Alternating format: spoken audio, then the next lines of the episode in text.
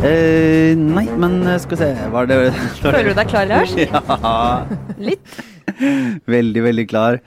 Eh, Så da setter vi i gang med ukens Aftenpodden. Vi er på plass i studio her i Oslo alle sammen. Det er Trine Eilertsen, hallo. Hei, hei. Nettopp. Og Var det feil? Nei, det var, var veldig, det var litt sånn avmålt. Nei, å nei, det var ikke meningen. Nei. Sara Sørheim, hallo. Hallo! Nei, vet du, Nå lever vi opp til, til stereotypien. Og jeg er Lars Klomnes, og vi er på plass med Aftenpodden. Eh, vi kommer til å snakke litt om KrF, naturligvis. Ganske mye, kanskje? Eh, ganske mye. Ja, liksom, det er i hvert fall dagen for dagen og mye spennende som skjer. Og så beveger vi oss litt inn den amerikanske såpeoperaen rundt Brett Kavanaugh og høyesterettsutnevnelsen. Eh, og så er det litt av hvert av obligatorisk refleksjon og mm, muligheten for kontroverser. Ja. Kan vi Ja. tise såpass mye. Men først, Sara Pers- på personlig basis. På personlig basis. Men, men, eh, men eh, først vil jeg bare høre, høre litt fra deg, Sara, som eh, denne uken da har opplevd det store. eh, at Barack Obama besøkte Mm. Hellerudsletta. Hellerudsletta. Ja. Fordi, altså De stjal Barack Obama fra Skjetten. Nei, altså, dette er undersøkt, og Min far er lokalhistoriker, helt faktisk. Eh, Og jeg spurte han sånn Pappa, er Hellerudsletta egentlig Skjetten? For når jeg vokste opp, så var det strengt tatt Hellerudsletta. Ja. Men han kunne berolige meg med å si at det, det er innafor skolekretsen til Skjetten skole. Så sånn sett er det teknisk sett Skjetten, så vi har hatt besøk av Obama på Skjetten. Ja, så er Hvis Barack. Obama hadde vært der og bodd der og vært et lite barn, så ville han gått på samme skole som deg. Eh, ja, noe som er en helt syk ting å få inn i hodet sitt, men ja, det ville han faktisk. Ja. Ja, hvis Obama var vokst opp på Hellerudsletta. Det var noen folk eh, som bodde der borte, som tok buss til skolen. Ja, Ja. ja. Mm.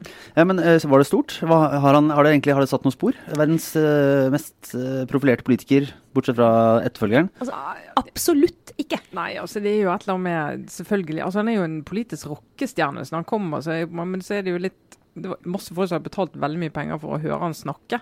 Eh, jeg har hørt han snakke, jeg. Live for ti år siden. Ja, der i Virginia. Eh, men da var han jo i valgkamp, og det var jo veldig stas å se han stå på scenen og liksom oppildne disse her eh, som skulle ha change og alt som eh, skulle bli bra. Det blir jo fullstendig revet med. Mm.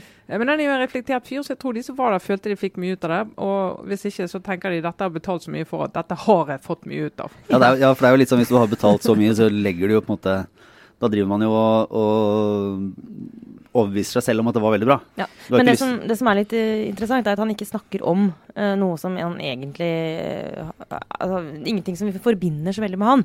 Og det er litt sånn med sånne statsledere. Jeg ser Tony Blair også ute og holder foredrag rundt omkring i verden og snakker f.eks. mye om det grønne skiftet og digitalisering og sånne ting, tror jeg. Men og, altså, han, jeg, jeg kunne betalt for å høre han snakke om uh, hva som helst, ja. faktisk. Maling av hus. Men, men, det- men det er litt sånn uh, Ja, og Bill Clinton husker jeg var i Oslo ikke så mange år etter at han hadde gått av som president, og og snakket om et eller annet som Og da er da er det litt sånn at de er så fantastiske retorikere. Eh, men det hadde jo vært kult sånn, Jeg mener at de, de kan ta eh, masse penger for å snakke hvor som helst, men det hadde jo vært litt ålreit hvis de hadde snakket om noe som faktisk betydde noe eh, på ekte. Eh, og i går så kjente jeg jeg var ikke der, og jeg var litt sånn fornøyd med det valget. Jeg tenkte litt sånn Noen av oss må jobbe, eh, mens andre drar liksom og Jeg hadde hører på en kjempelyst til å være der, jeg. Hadde du? Ja. Ja, men eh, Jeg hadde kanskje egentlig lyst, jeg òg, men når jeg først ikke var der, så velger jeg heller den andre. Ja, ja, ja, ja. Men det, det er jo det- er sånn som vi som har motorbåt, som eh, vet at du bruker den altfor få timer i året, og så må du betale forsikring og opplag og alt som er. Så du vil ikke regne på hva den koster per time brukt. Så da blir det bare sånn Ja, men det er fint å ha båt. Ja, ja, det, ja, det er de beste timene i hele året, de timene på sjøen. Så eh, kan være. Da, vi skal ikke snakke altfor mye om dette, men uh, hva syns vi om uh, 32 000 var det det, for å ta et bilde med Barack Obama? Er det, Hvem er er det det som verdt det? får de pengene? Han? Eh, nei, det må jo være til disse eh, som har arrangert det, og så går veldig mye videre til han. Jeg kan ikke Ja, nei, det er altså Det her er selfiemarkedet er jo et helt annet enn jeg Det trodde. er billigere, vi kan si sånn, det er billigere å ta selfier med oss. Eh, kan du få bare en brøkdel av den prisen. Ja. Men eh, vi får jo til hjemlige forhold og en føljetong som eh, kanskje mm, når et eh, høydepunkt på fredag. Altså nå sitter vi jo på torsdag formiddag. og Ja. Er allerede da- nå litt Det er litt irriterende at KrF legger sånne møter som de skal ha til dagen etter at vi har spilt inn podkast. Ja, og, og, og rett før helgen. Hilsen familie person. Ja. Så, altså, som om ikke KrF hadde nok problemer. Ja, men det som er fascinerende med de, det er mye, men de har jo holdt på med dette her i et år. Det er jo nesten ingen partier som har fått så mye oppmerksomhet som de. Og Vanligvis så vil jo et parti tenke at, bortsett fra Arbeiderpartiet, altså bare har sånn, hatt metoo-oppmerksomhet, det har ikke vært så veldig gøy. Men eh, vanligvis vil jo et parti eh, som sitter på vippen og får masse oppmerksomhet om liksom hva de skal gjøre, hva vei de skal gå. For da blir det automatisk en diskusjon om hva de står for òg, så du, du, får mye oppmerksomhet ute hos velgerne. Så det skal jo være positivt, egentlig. Men eh, for KrF har det jo vært eh, Det har vært grått. Det har vært et grått år. De har sittet i en magisk posisjon på Stortinget. Kunne avgjøre i omtrent alle saker. Eh, og det har bare vært trist og tungt og leit. Men det som skal skje nå, de skal ha landsstyremøte, og så skal Knut Arild Hareide komme med uh, sin uh, skal, Det er litt uklart akkurat hvordan han skal formulere det. For det, uh, det ene, en mulighet er jo at han sier tydelig jeg mener at Kristelig Folkeparti bør samarbeide med den, altså høyresiden eller venstresiden. Eh, eller så kan det være mer en litt sånn rundere formulert Av en eller annen grunn så eh, tror jeg liksom at det blir det siste. Ja. Altså, Ja, altså hvis, jeg, hvis jeg hadde vært han, Ja.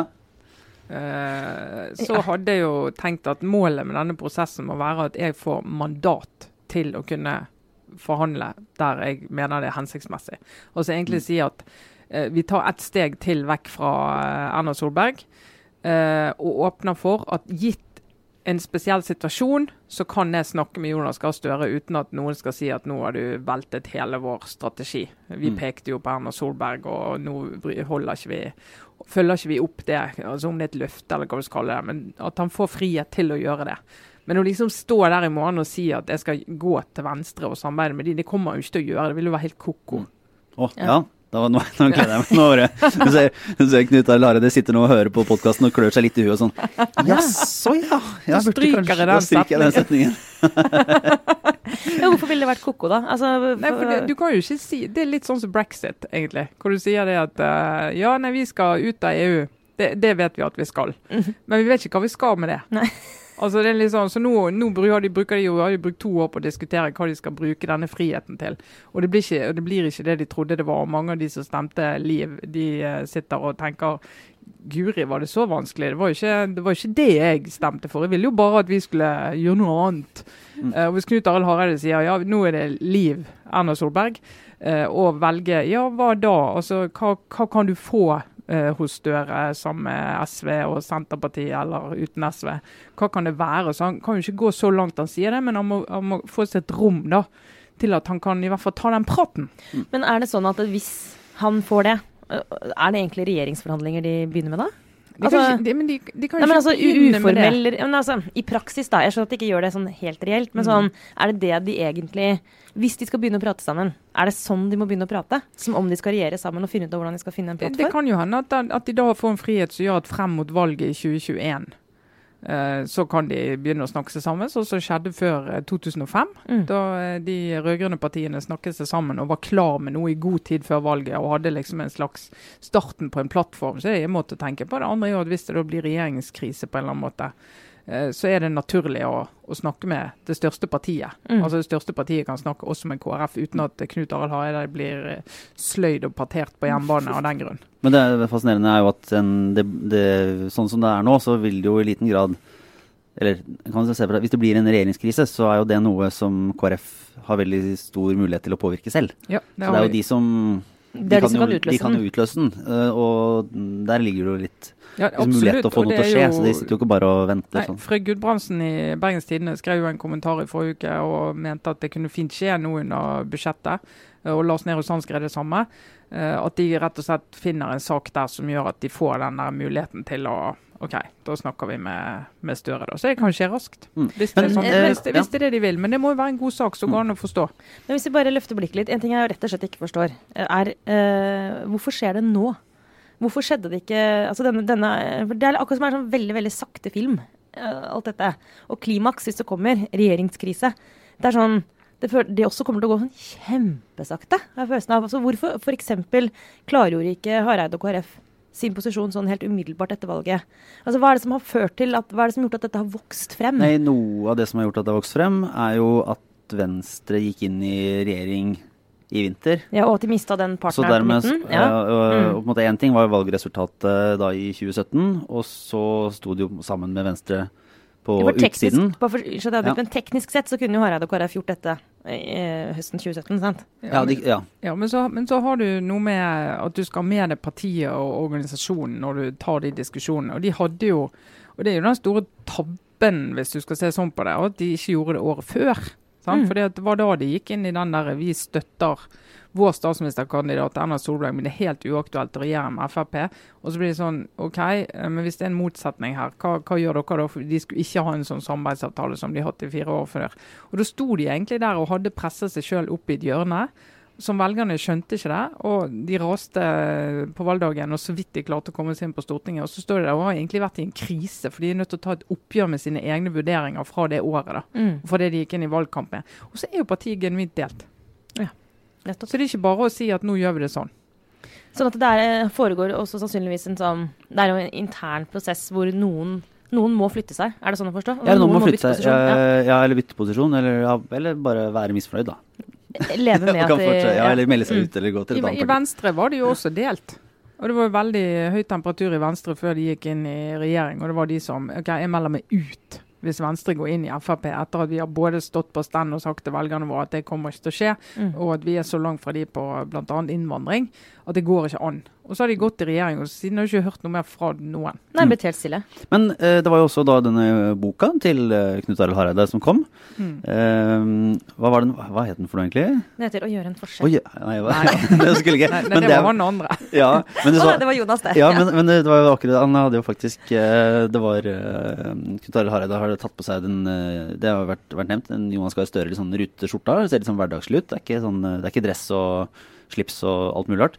Med et litt sånn samme smilet som Jonas Gahr Støre hadde på de Ja. plakatene i Oslo, eh, altså i valgkampen eh, sist. Oh, ja. Det snakket oh, om. gud, ja. De det som var var- litt sånn vampyraktig. Litt sånn som en fotograf, ja, en fotograf som har bedt ham smile sånn på tredje timen. Det er litt Altså- sånn Hans Nixon-øyeblikk. Sånn når Nixon hadde glemt å pudre seg i studio og tapte presidentvalget. ja, i hvert fall det er veldig mye lettere å se, uh, se Få folk til å se ukomfortable ut når man vet at de står i en ukomfortabel uh, situasjon. Ja.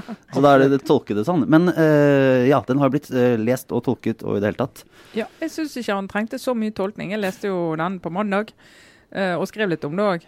og det, jeg syns det er veldig vanskelig å altså Jeg vil ikke bruke ordet tolke engang, men det som står i den boken, det er jo at han aldri kommer til å regjere med Frp. eh, og Står det sånn i parentes sånn Forresten, jeg hater Frp, jeg vil aldri sitte i regjering med dem. Er det, er, altså, hvordan formulerer han det, det det? er hakket før, men ikke langt ifra. Men eh, han eh, og sier det at Høyre, eh, skriver han jo òg, de deres fellesskap med Høyre har jo handlet om det som verdispørsmål, eh, bioteknologi. eh, og menneskeverd, som det heter i KrF. For det er jo ingen andre som er opptatt av menneskeverd enn de. Eh, og når Høyre hadde jo den diskusjonen i vår, der de liberale, liberale, liberalistiske kreftene holdt på å si, Høyre de har vunnet, mener Hareide. Og det har flyttet Høyre fra KrF. Uh, og det er jo, Han har jo helt glemt at Høyre gikk i krigen for de på legers reservasjonsrett på en Mm. veldig kostbar måte for de da. Men eh, nå argumenterer han for det. Venstre mener han er blitt helt uh, ellevilt liberalistiske, eh, særlig i arbeidslivspolitikken. Eh, Venstre har ment det samme i arbeidslivspolitikken i fem år, så akkurat hva som har skjedd med Venstre sammenlignet med KrF, det er ikke godt å si. Men så argumenterer han veldig for at med fellesskapet med Arbeiderpartiet. eh, På en del som fell eh, fellesskapsløsninger, solidaritet, eh, de fattigste. Og SV er ikke lenger et fløyparti, skriver han. Men alt dette er eh, Jeg må bare spørre om det òg, for at det, eh, han, han sier at Høyre har forlatt dem på verdispørsmål når det kommer til sånn genteknologi osv. Men der er jo Høyre enig med Arbeiderpartiet, er det ikke det? Altså, ikke egentlig, Har ikke egentlig Høyre flytta seg mot venstre, hvis du skal se en høyre-venstre-akse her, da? Jo, Altså, det er der jeg ikke skjønner logikken i Hareides argumentasjonsrekke. Men, men der er du inne i egentlig Det er jo midt i kjernen av det som er KrFs store dilemma. For de har og det som er fløyene i KrF, du skal dele det i en høyre- og venstrefløy om du vil, men du kan egentlig si at du har den verdifløyen, mm. og så har du den eh, solidaritetsfløyen. Og den verdifløyen, der er egentlig sånn Ja, vi har en abort, eh, vi har fri abort, men vi skulle ønske det ikke var sånn. Og må i hvert fall ikke bli mer av det. Eh, Og genteknologi og sorteringssamfunn og alt det der. Mm. Og kristendom i skolen, ikke minst, sant? skal være der.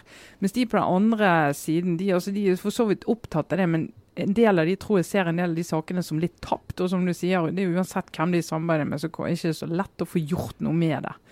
Eh, så de, de, er mer opptatt av altså, bistand, eh, de fattigste, og liksom prøve å tenke sånn eh, Støtte til samfunn. de svakeste. Altså, ja. mer, typisk sånn venstreside økonomisk politikk sosialpolitikk. da, Arbeiderpartiet og SV. Veldig mye fellesskap i den. Noe av det interessante her er jo at eh, som med sentrumsparti, så kan altså KrF kan jo se da til begge sider. Og så er det jo Det er jo ikke det at han nødvendigvis er sånn kjempetydelig i alle setninger, eller hva. Det er sånn Vi må samarbeide med denne siden, eller han sier ikke sånn, men man fremhever jo på en måte alt. Alt, alt er bra med den ene. Alt er bra med ja. den siden, og så er det litt sånn ja, ja, ja, ja på den andre sida.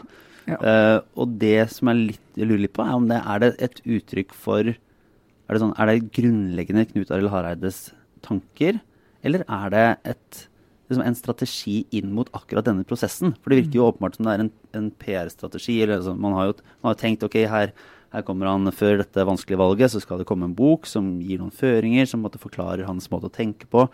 Uh, og så kommer det så og så mange dager før han skal legge det fram. Og så lurer jeg på om, om det er, er det, er det som, Leser du det, Trine, som kjernen i Hareides politiske syn, eller er det som en Taktisk. et taktisk, eh, praktisk argument inn i akkurat den prosessen partiet går inn i nå? Ja, altså, Det er det jo for så vidt bare han som kan svare på, men eh, det er jo klart at timingen på den boken eh, jeg syns det er rart når han sitter på mandag og nesten virker overrasket over at han blir tolket som man eh, tar et steg til venstre. For da tenker jeg du Enten forstår du ikke hva du sjøl skriver, eller så er du redd for at liksom, debatten skal gå ut av kontroll i ditt eget parti. Men det er jo akkurat det han skal gjøre nå. Skal jo signalisere hvordan han ser det politiske bildet, og hvor han mener at KrF kan få mest igjen på sine viktige saker. da. Og det skal han snakke om i morgen, så må det bli en kortversjon av boken. Jeg vil synopsis av boken i morgen. I USA så fortsetter uh, den uh, føljetongen de har. Altså eh, høyesterettsinnsettelsen av Brett Kavanaugh, som republikanerne kjemper for å få igjennom. Mm. For å få den viktige VIP stemmen av den niende avgjørende mm. uh, utvalgte, som skal sitte på livstid, eller til de velger å, å gå av selv. Ja, blir fort 30 år med når du er i 50-årene, ja. ja. Og uh, der fortsetter hun fordi denne Brett Kavanaugh, som, uh, som tilsynelatende har planlagt sin juridiske karriere veldig nøye hele veien, Uh, og skrevet om alle de riktige tingene. Uh, hevdes å ha en ting i sin fortid. Uh, og siden, siden gikk på en guttevideregående skole som ifølge nå anklagene var et sånn litt partysted, og anklages nå for å ha oppført seg ufint og drevet med seksuell trakassering og det som vel må kalles overgrep i, i ungdommen. Nå er vi vel på tre anklager. Jeg lurer kanskje på om det kom en fjerde også torsdag. Det, det kommer jo ofte flere av gangen i mm. dette, når først noen eh, melder seg og sier ifra. Eh, det skal vel være en Det skal vel vitne i Senatet, eller ha en, ha en uttalelse i Senatet nå på torsdag. Mm. Så man vet jo mer om hva som har uh, blitt sagt etter at det er over. Men uh, det er fascinerende å se noe som er altså, noe fra 30 år siden mm. som blir så aktuelt. Og det går rett inn i hele den metoo-historien og den, det oppgjøret som har vært det siste året. Det er utrolig fascinerende, eller det er en sånn vanskelig sak å gå inn i, fordi eh, nå, nå, er jo dette her på oppløpssiden i, når det gjelder akkurat den utnevnelsen. At disse sakene kommer. Det har vært kjent veldig lenge at eh, Kavanaugh er Trumps foretrukne kandidat. Eh, og nå er det egentlig, så vidt jeg kan forstå, eh, mest Nå skulle det egentlig bare glidd igjennom. De, det er liksom en teknisk øvelse helt på slutten, når kandidaten er, er klar. Og så kan det, kan det vippe Det kan jo vippe liksom på slutten sånn i, i teorien men ja, altså, dette som skjer nå Republikanerne har jo et flertall i Senatet, ja. så de skal jo i utgangspunktet Det er såpass Men, men i teorien kunne noen flyttet ja. seg over. Uh, men nå ser det ikke ut til at det skal skje. Men uh, dette her som skjer nå, er jo i hvert fall som det ser ut, et slags forsøk på å likevel kuppe den prosessen. Og, og vært i, eller i alle fall klare å utsette den til etter uh, mellomvalget. Og Så kan man jo da stille seg spørsmålet hvorfor disse anklagene om seksuell trakassering og overgrep kommer da akkurat nå, og ikke f.eks. i juni. Og det, det gjør det hele litt komplisert. Uh, og det gjør det litt vanskeligere kanskje også å i utgangspunktet ta, ta de historiene helt for god fisk, da. For det minner jo mistenkelig om en, en eller annen form for kampanje. sant? Jo, men det er og da er vi sånn... bang midt i ja, men da er vi midt ja, ja, ja. i det som er veldig ofte problemet med den type saker. sant? Hvorfor kommer de nå? Men Det er jo helt, det er jo ofte en anklage som kommer i sånne saker, og så er det jo det er på en måte helt åpenbart at det kommer Sånn som denne ene kvinnen, da, som, eh, som er en psykologiprofessor fra, California, som, som meldte fram dette i sommer til, uh, til sin senator, var det vel, Dan Feinstein, og opplyste om at dette var Altså at hun hadde blitt uh, overfalt, eller altså vært på et rom med, med Brett Kavanaugh og en, en, venn av ham i 1982, tror jeg det er. Uh, der de skal måtte ha tvunget henne ned på en seng og prøvd å ta henne og, og antastet henne. Mm. Uh, før hun klarte å komme seg unna. og så har jo da hun levert denne, denne anklagen i jeg tror det var enten i, det var vel i juli eller noe sånt. Og sagt at hun ikke ville stå fram, ikke ville ha noe oppmerksomhet rundt det, men mente at dette burde senator, det burde man vite fordi at Eh, fordi at hans fortid ikke var like plettfri som, som man kunne tro. da. Mm. Uh, og så kommer det jo til et punkt der, der, det ikke skjer noe mer, og det ser ut til at uh, Kavanaugh faktisk da De politiske konsekvensene, eller hva skal jeg si, politikken hans, ser ikke ut til å bli motsagt av nok senatorer. Da velger hun jo da bl.a. å stå fram i Washington Post, som mm. har jobbet med hennes uh, sak i flere måneder. Gått opp kilder, gått opp og så sett Ok, Så det du prøver å si er timingen kan også forklares ut fra at dette bare rett og slett har tatt tid? Ja, altså det har tatt tid. Og så ja, okay. er det jo, det er jo mm. et økt uh, incitament til å stå fram og uh, styrke sin egen sak rett før noe skal avgjøres. Det tror jeg ja. det, det vil alltid se i sånne politiske prosesser også. At det kommer jo ofte hva skal jeg si, Anklagene mot uh, Trond Giske kommer jo i det, det var kanskje ikke så mye som en nominasjonskamp, men sånn som den Ingebrigtsen-saken, da, som var uh, Roger Ingebrigtsen, statssekretær, som ble uh, det ble klart at han hadde hatt et seksuelt forhold til en, en, en 17-åring, en ung, ja. ung, jente. det kom jo opp da i forbindelse med en nominasjonskamp til Stortinget. Mm. Men så er det sånn Ja, det kan jo se ut som det er et politisk spill, eller at det er en eller annen kampanje, men det er jo også det er jo når sånne ting skal avgjøres at det er viktig å få fram den informasjonen. Men det, men det, er, jo, og det er jo den diskusjonen vi har nå med Torkelsen og Søgn i Oslo. Mm. Eh, kom varselet. Er det et genuint varsel, selv om timingen er sånn som den er? Mm. Eh, og Da mener jeg at vi er nødt til å klare å ha to tanker i hodet på en gang. Vi er nødt til å kunne se at eh, ja, det er maktkamp som foregår, men vi, det betyr ikke at ikke et uh, varsel er, er reelt. Mm. Uh, og på den, uh, den Kavanaugh-saken så det jo, har, er det jo en sånn dynamikk vi ser nå, at det er kommet flere historier. Uh, men det som er og det, det, som er interessant med det, det er masse som er interessant med det, men Kavanaugh selv han har jo valgt en posisjon, eller valgt en posisjon. Han sier at dette skjedde ikke. Mm. Og ingenting skjedde. Ingenting det er viktig, viktig. Han gikk veldig tidlig ut. Han, han har til og med latt seg mm. intervjue på Fox og sagt at jeg var, jeg, jeg var, jomfru på den tiden. Altså jeg, drev, jeg, hadde ikke noe som lignet på sex på den tiden. Jeg går ganske langt inn i ja, personlig beretning om sitt tenåringsliv, da. Eh, men som han åpenbart har syntes har vært. Og da, da, har han jo satt seg et sted hvor han ikke kan eh, f.eks. si at jo, vet du, jeg hadde en fase i livet der ja, det var mye fyll, rus, festing. Mm. Jeg gjorde ting som jeg angrer på.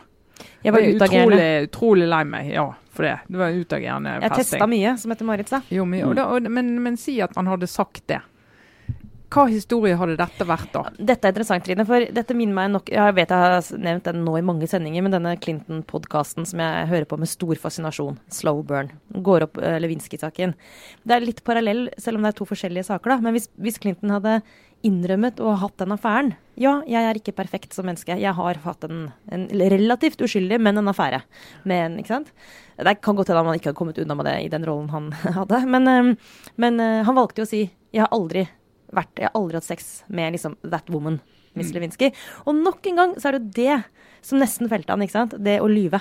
Mm. Eh, og det samme med Kavanaugh. Hvis han eh, hadde sagt Og dette er jo en mye mindre alvorlig sak. altså sånn, Ja, jeg var litt sånn uh, spellemann da jeg var student. Og så har jeg levd et utrolig streit liv i Hvor mange år er det? Snart 40 år siden.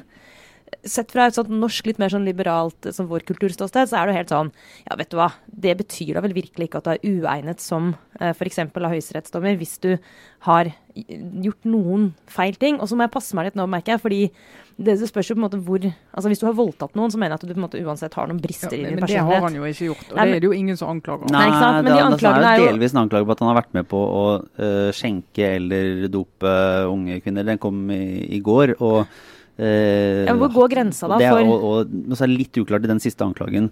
eh, som kom via denne advokaten til hun eh, pornostjernen Stormy Daniels, han heter Michael Avenatti, som jo er en veldig sånn flamboyant uh, advokat som nå kjørte på med, med ei som uh, anklaget uh, både, han, altså både Brett Kavanaugh og kameraten Mark Judge for å, for å være på fester og skjenke Judge, judge. kvinner. Eh, og, og, og drive og, og også da liksom legge til rette for overgrep og det som egentlig er liksom voldtekter. Altså at de liksom sto i kø utenfor et rom Ja. eh, der det lå en eh, mer eller mindre bevisstløs kvinne. Eh, okay, men, men det si men det er det- vanskelig å plassere dem. si altså, det, er litt, det er jo en eh, Det er jo et uh, det, bety, altså, det er vanskelig å skulle sitte og si hva som er liksom alvorlig. En skal liksom ikke bagatellisere et overfall mot en jente som sier at hun var redd for, bli, for at hun skulle bli kvalt av, eh, av ham eh, da han var 17 år. eh, heller, men det er jo en, ja, det er jo vanskeligere å gå Men hvor inn går uansett da, la, altså, la oss si at de anklagene er sanne, da. Det, kan godt hende de er. Det er jo Altså, det altså, viser mest- seg at de altså, fleste sånne anklager mot offentlige personer som er sjekka over måneder av medier, er sanne. Ja. Men, men de har jo ikke helt klart å få sjekke ut disse anklagene, da. Eh, I hvert fall ikke de to siste. Den Nei, første har jo vært har jo det. ganske godt på vei. Altså, det har i hvert fall Ja, har, har vært det gjennom klart en få- lengre prosess. Da. Ja, Det de har fått bekreftet i den første anklagen, det er jo at uh, hun har jo gått til sånn ekteskapsrådgivning og alt, og gått til psykolog og terapi i flere år. Og der har dette vært tema. Det har de på en måte fått bekreftet at for hun var det det som skjedde. Så det er ikke noe hun har funnet på eh, nå i sommer, da han ble kandidat til Høyesterett. Eh, men på de andre så er det jo litt mer eh, usikker, for du har ikke hatt en vanlig sånn hva skal jeg si, Den uh, saken som uh, The New Yorker hadde, så Ronan Farrow, din store helt Sara ja, ja. skrev, den blir jo veldig kritisert. Ja. uh, for at de, eh, de, de går inn og egentlig hun også sier det at ja, jeg, jeg, jeg mener, jeg husker at det var sånn. Jeg er ikke helt sikker, men jeg husker at det var sånn. Og New York Times blant andre har prøvd å gå opp løypen rundt der og prøvd å få de som var i det miljøet og som skal ha vært til stede. De har ikke klart å få bekreftelse nok til at de i hvert fall ville, ville publisere det. Altså, det er en sånn diskusjon om New Yorkers sin altså terskelen deres for å publisere en sånn anklage mot, Mm. en, uh, mot en person i denne fasen. da. Men det vi kan slå helt fast, er at terskelen har blitt lavere etter metoo. Og det er bra. Mm. Altså, eh, jeg, som jeg har sagt tusen ganger før, jeg er veldig glad for metoo. Jeg mener at det, liksom, det var først og fremst en positiv bevegelse. Tok oss videre. Men det er jo et men ved sånne ting. Og det er jo litt sånn at Og det her er jeg genuint usikker. Men la oss si da at alle anklagene er sanne. Betyr det likevel at en mann som har gjort noe sånt i ungdomstiden sin, ikke kan få en posisjon som dette eh, 40 år seinere? Altså, hvor går den grensa? Og er det liksom riktig? Og hvis, hvis han ikke får den jobben nå pga. disse sakene, hvordan vil det liksom bli lest? Hvordan vil liksom velgere forholde seg til det? Eh, når prosessen ellers følger liksom demokratiske spilleregler, sant? Men der Det er vil, bare- jeg jo, ja, men der vil jeg mene at hvis det, øh, hvis det viser seg at han hadde gjort dette, som er en ganske alvorlig anklage, så vil Felken si at ja, men da trenger du ikke å bli øh, utnevnt til den, altså til den viktigste posisjonen Etter i- etter, liksom? eller så bare sånn, i, i det amerikanske rettssystemet. Ja, Da, Hvis du altså, da er det sånn, president, ikke så nøye. Men sånn, da er det ikke, er det ikke den, da, Det er ikke noe sånn Han får ikke akkurat yrkesforbud. Han sier Nei. at du er, da, da er du i en posisjon, da har du så mye i din fortid som gjør at du vil være uh, ute av stand til å gi en, uh, en ordentlig rettferdig, liksom, ob objektiv eller nøytral dom over mange spørsmål som dreier seg om dette. Altså, Ja, da har du nok så mye forhistorie. Men jeg mener at problemet her er jo at du aldri vil få det dokumentert som i fakta. Så Nei, du vil ikke vil ikke det. Du, det er jo 30 år etter, så vil du ikke kunne si at det var akkurat sånn. Fordi det, det, det kommer etter at her er det ulike historier, Mm. og så må man finne ut hva er det som er sannsynlig, hva er det som ikke er sannsynlig. Og da er jo kanskje Kavanaughs største problem, i hvert fall politisk, og det er jo måte, demokratenes angrep på det også, er én, du kan ikke oppføre deg sånn, det er veldig problematisk.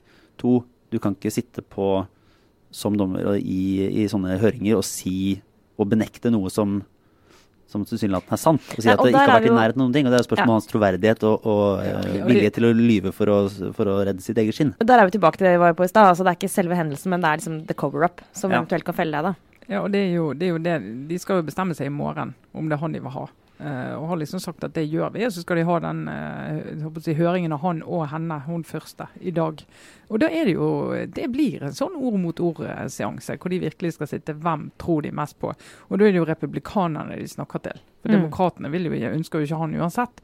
Men republikanerne, særlig et par av de eh, kvinne, kvinnelige republikanerne, som er, som er bl.a. for uh, at det ikke skal komme endringer i abortloven, og så prøver å treffe en del av de til at de får et inntrykk av at Nei, det her er ikke helt ved. Vi kan ikke sette inn en sånn, eh, en sånn fyr eh, på benken, høyesterettsbenken.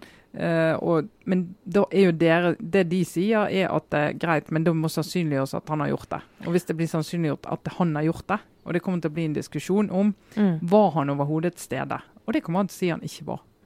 Mm. Og så vil hun si at det var han. Mm. Det er en helt absurd situasjon. for Du kommer ikke til å få den fasiten der, men det var jo en tredje person til stede som ikke vil snakke med noen. Nettopp. Han vil ikke delta. Men det er også Men, bare... han Mark Judge, som var den tredje personen, som også har skrevet en bok om hvor mye han var på fylla, og hvor mye trøbbel han hadde i ungdomstida. Ja. Og han hadde også en karakter i den boken. Nei, nå er jeg litt usikker faktisk på om den er sånn Jeg tror det er litt fiksjonalisert memoar, fordi han, jeg tror han omtaler, han, altså, omtaler en Kavanaugh som har et litt annet fornavn.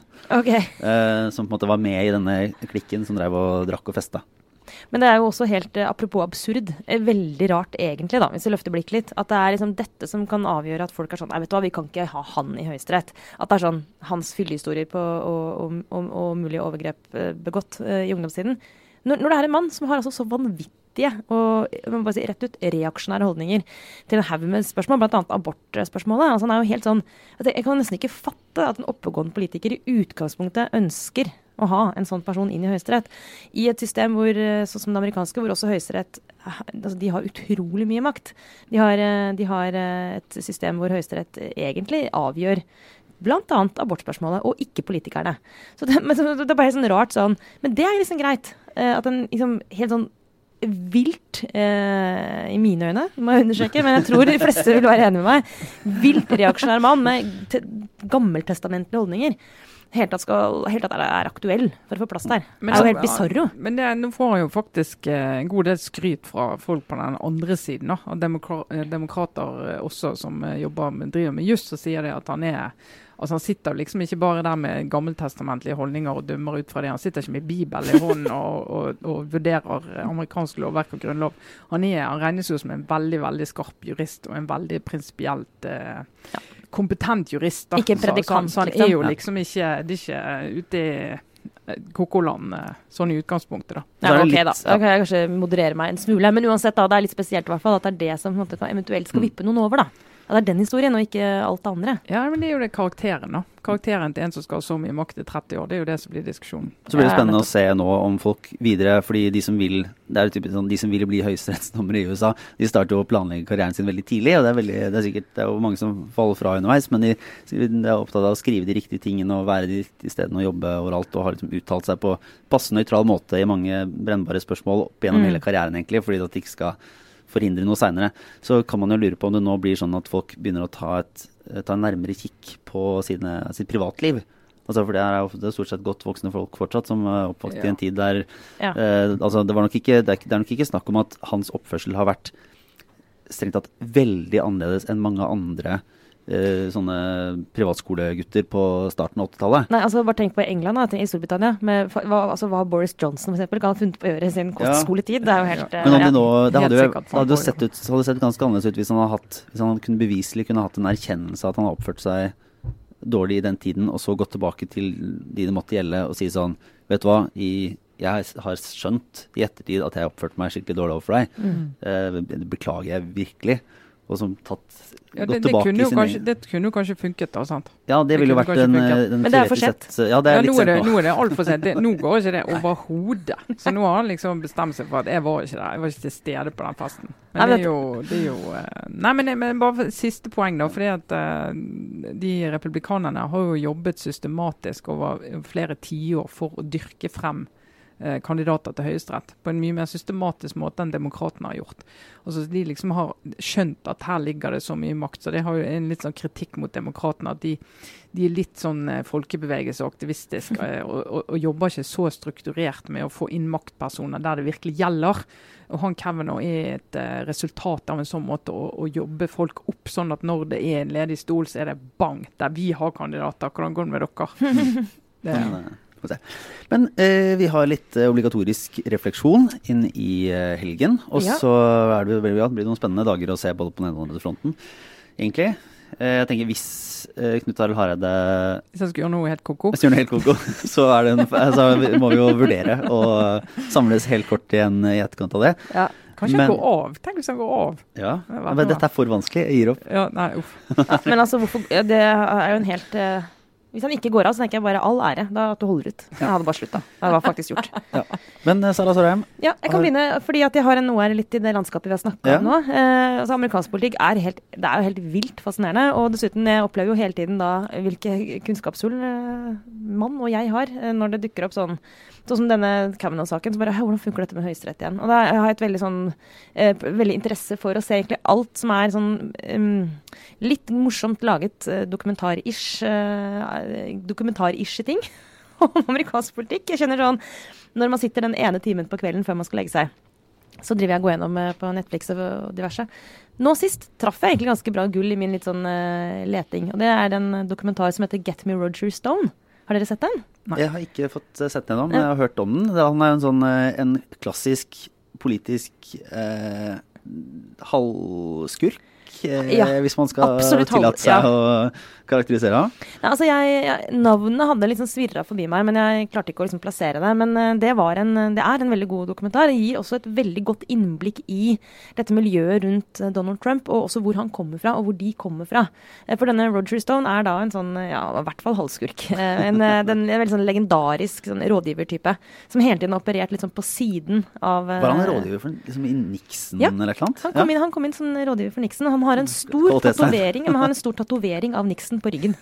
Ja, den, eh, Han elsker Nixon. Og det jo- Og så har han da, og, og, og ble selvfølgelig veldig formet av at Nixon måtte gå, og alt det som skjedde, og, har siden operert og liksom hele tiden prøvd å få frem en sånn, sånne anti-establishment-personer og karakterer i amerikansk politikk, og er og selv tar egentlig også selv æren for mye av uh, suksessen til Donald Trump, og var liksom med, påstår han selv i hvert fall, og liksom forme hans eh, ambisjoner og etter hvert strategi som presidentkandidat. sånn allegedly, som det heter. ja, ja, det, ja, det, hø- det høres ut som en, det høres ut som en fyr som eh, muligens kan også fremheve sin egen rolle. Eh, det- Absolutt. fordi, altså Jeg anbefaler den virkelig. For det første, fordi Roger Stone i seg selv er bare en helt utrolig fascinerende kar karakter. En Vanvittig dandy eh, og eh, vanvittig skrytete. Og med en eh, Han er på en måte amoralsk. Altså Han er sånn Du må bare bruke alle midler du kan. Altså Han ville bare ledd av at vi diskuterte sånn Er det riktig å komme med disse anklagene mot Kavanaugh helt på slutten? Og var sånn Hallo! Selvfølgelig er det det! Men også veldig berykta fordi han som lobbyist og som den typen rådgiver blir jo også med rette kritisert beinhardt for å ødelegge sånn, ødelegge demokratiet, liksom. Følger ingen spilleregler. Eh, Så han er interessant bare sånn som karakter, og så er det en, eh, et nyttig innblikk i hele den Altså hele den posisjonen som Trump har inntatt, det er på en måte som egentlig som er et slags sånn tredjeparti. Eh, hvor, hvor Stone påstår selv har vært den som på en måte formulerte det fiendebildet som er Vi representerer ikke demokratene eller republikanerne. Nei, nei. Det er egentlig sånn at det er eliten i begge de partiene som er våre fiender. Trump representerer folket. Og det gjør han jo vitterlig ikke. Så det er hele den, ja. Men den, den konstruksjonen der, den tar han æren for, og det er interessant. Så ja, den gir en sånn, en, nok et sånt eksempel på en, en dokumentar som gir en sånn litt dypere forståelse av um, hva som skjer der borte. Men med det bonuset at man eh, rett og slett blir underholdt av denne vanvittige Kjent karakteren. med uh, sær person. Ja. Ja, og jeg tenkte på sånn vet, Vi har jo disse rådgiverne rundt omkring i norsk politikk, da. Vi Eh, er de, ikke helt der.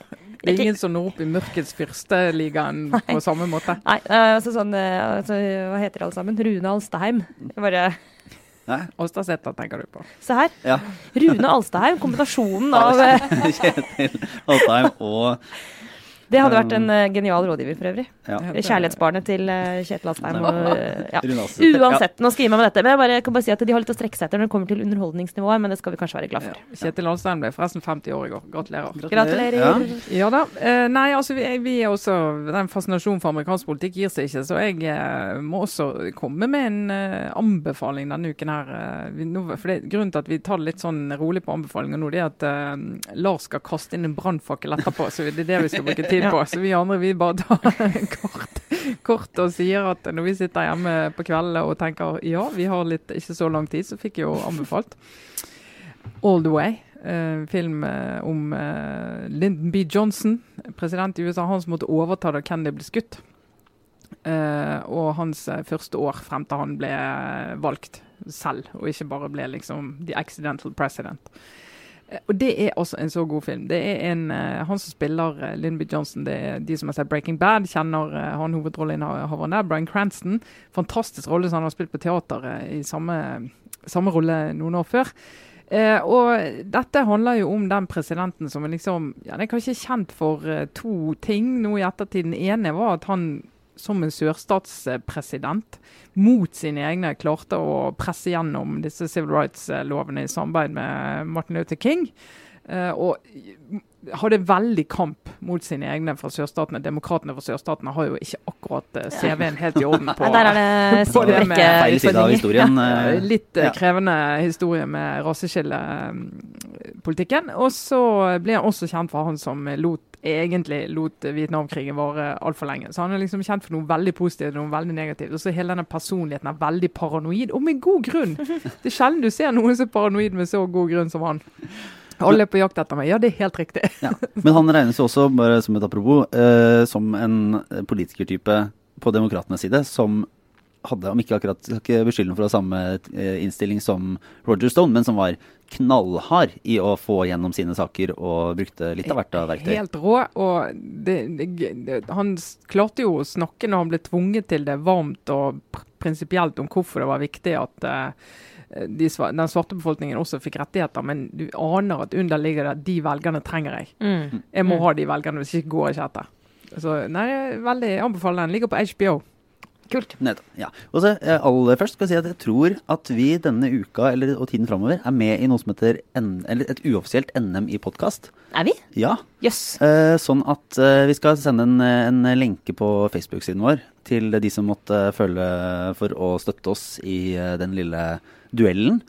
Fra å ikke ha hørt om det, til på to sekunder å håpe veldig å vinne. Ja. Burde vi ha visst om dette før, Lars? Burde vi ha, Nei, altså, jeg tror uh, vi velger å sette inn innsatsen burde vi ha påvirket sendingen vår? Nei, Burde vi ha altså, forberedt ja, oss litt bedre, eller? hvis, hvis, vent, hvis dette var grunnlaget for å, Du for å kunne jo ha sagt fra til meg og Trine litt før nå på slutten av sendingen, Lars. ja, ja, det kunne jeg også gjort. Men det har Eller det har du kanskje gjort, vi har kanskje bare ikke hørt det. Ja. Ja, det ringer Men eh, nei, det jeg egentlig lurte på, som er det som eh, måtte kunne regnes som en brannfakkel, det er et, et, en liten oppstrammer av eh, av gravide kvinner på offentlig transport.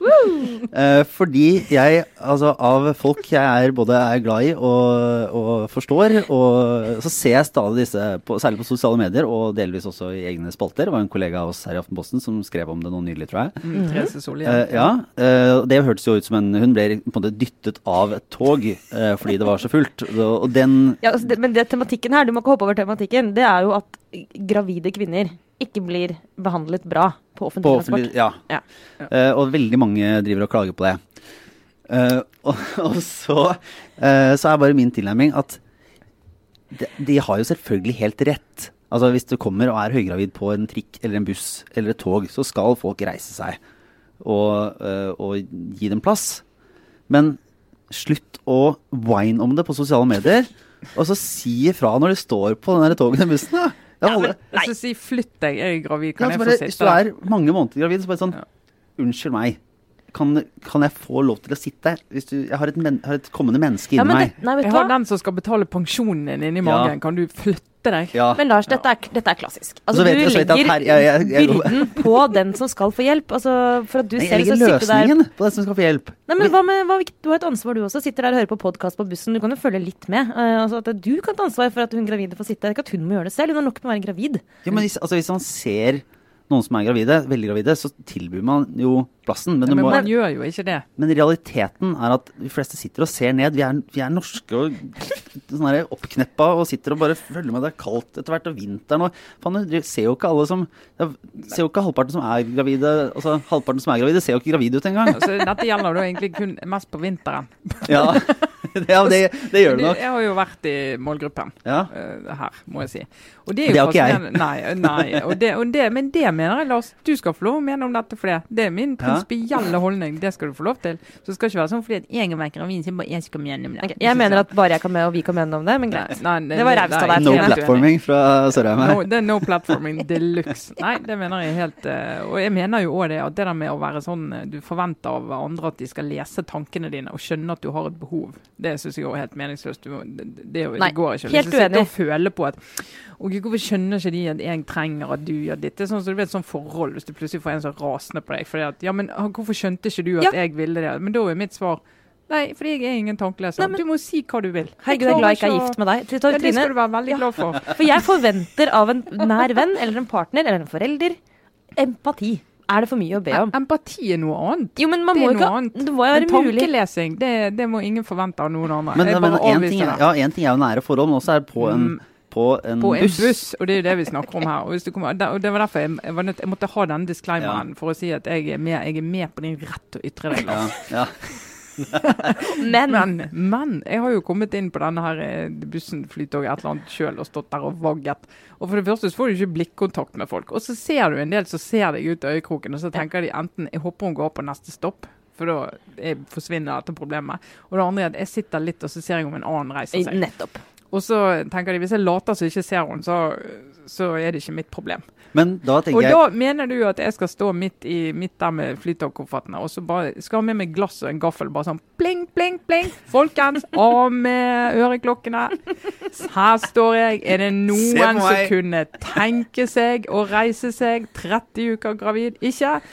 OK, greit. Nei, da nei, da, står jeg. da mener jeg at hvis, du, hvis du har Hvis man påtar seg ansvaret med å skulle oppdra et eh, barn til å bli et voksen menneske, og skal sikkert si fra og irettesette dette barnet og i det hele tatt bli en, et, en forelder da, som, som, som må gjøre masse ting som er ubehagelig, og styre på dette, så kan du prikke noen på skulderen og si 'unnskyld meg, Ja kunne jeg fått plassen Men, din'? men med det, det, det er i. Det kan du godt gjøre. Hvis du ser at folk oppriktig ikke har sett deg, så kan du gi dem en sjanse. For jeg har jo Ja. også opplevd at noen Og det er jo pinlig. Og det kan du jo kjenne på sjøl. Jeg har jo også vært den som satt der, og så plutselig ser jeg at det står enten en veldig gammel eh, dame eller mann, eller en høygravid dame, så jeg går herregud, jeg så deg ikke, og så reiser du deg. Og så tenker du nå, nå blir det flaut fordi at jeg har ikke sagt det før. Og, Ja, eller sånn type at du reiser deg for en som er gammel, som selv ikke føler seg gammel. ja, nei, det er jo Det- livsfarlig. Eller du speker på noens mage og spør 'vil du sitte her'? Ja, å, å, Gud, ja, eh, nei, men, Men altså, her er det et mulig årsak. Dette Det- er minnefelt. Det er faktisk en, det er veldig godt poeng, Lars. For det er jo et minnefelt. Ja. og med tanke på den norske folkesjela. Her har vi en veldig åpenbar årsak til denne egentlig litt uforståelige uhøfligheten. Det kan rett være bare at man, blir helt sånn for, at man kollapser rett og slett av sosial angst. Ja, på vinteren er jo folk så påkledd at det er jo ikke lett å se om de har eh, veltet seg i julefett eller er gravid seks måneder. Ja, Og så er det helt forferdelig å snakke med folk på bussen i utgangspunktet, syns jeg. Ja. Jeg er ganske, egentlig ganske utadvendt, men det er av og til så er vi sånn, beste venner på bussen om morgenen en mandag, og bare sånn Kan vi holde kjeft? Ja, kan vi ikke bare stå her? Ja, selv jeg Eh, eh, foretrekker det, Så, faktisk. nei, men, jeg, altså, men jeg skal jo da, bare for å runde av, for at ikke det skal virke Å, for nå får du angst! Nå får du angst! Nei, nei, nei, men jeg, bare, jeg går tilbake til mitt, mitt utgangspunkt, Utgangspunkt. som er det er, eh, det er helt eh, feil at eh, folk ikke reiser seg for gravide og folk som trenger en plass. Men det er Men den løsningen- gravides ansvar Nei, nei, nei, nei altså, men den gravide kan få finne løsningen der og da Ja. ved å høflig eh, eller sint eller eh, pirke noen på skulderen og spørre kan jeg få sitte her. Høflig høflig. pleier å hjelpe. Pleier å være Ja. veldig hyggelig. Ja, Og så men- blir folk, den du da velger deg ut, blir veldig flau. Ja, og det, sånn kan det bli endring, da. Ja. Da mener jeg at da, Ja. Hvis man blir pl- blitt pluk- prikket på skulderen en gang sånn, så vil det antageligvis føre til at man er mer oppmerksom neste gang. Ja. Sosial intervensjon. Ja, Gjør noe med deg resten av livet. Ja. Det vi ikke rekker nå, heldigvis egentlig, tror jeg, for der tror jeg, tror jeg kunne gått helt galt, er jo da forlengelsen av denne debatten, som er er det greit å ta med babyen sin? F.eks. til FN. Ja.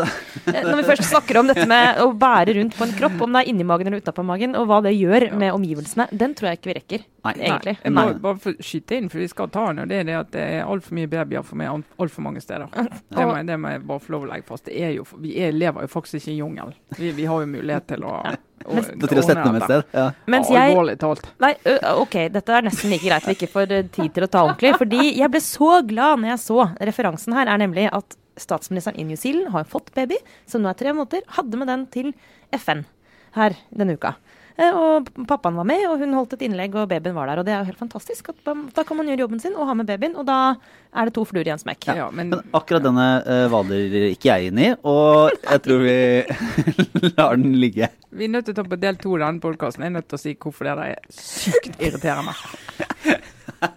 Ja, men jeg tror, vi, jeg tror vi rett og slett runder av der, ja. og så ser vi hva Knut Arild Hareide gjør i morgen. Hva Det republikanske partiet gjør i løpet av uken. Og så er vi tilbake neste uke, selv om du da er på ferie, Trine. Du er på ferie på fjellet. Ja. Men du blir med. Du Ja, blir ja, med. ja. Ja, ja. Absolutt. Nydelig. Og med det takker vi for oss for denne gang. Det var Trine Eilertsen, Sara Sørheim, er Lars Glomnes.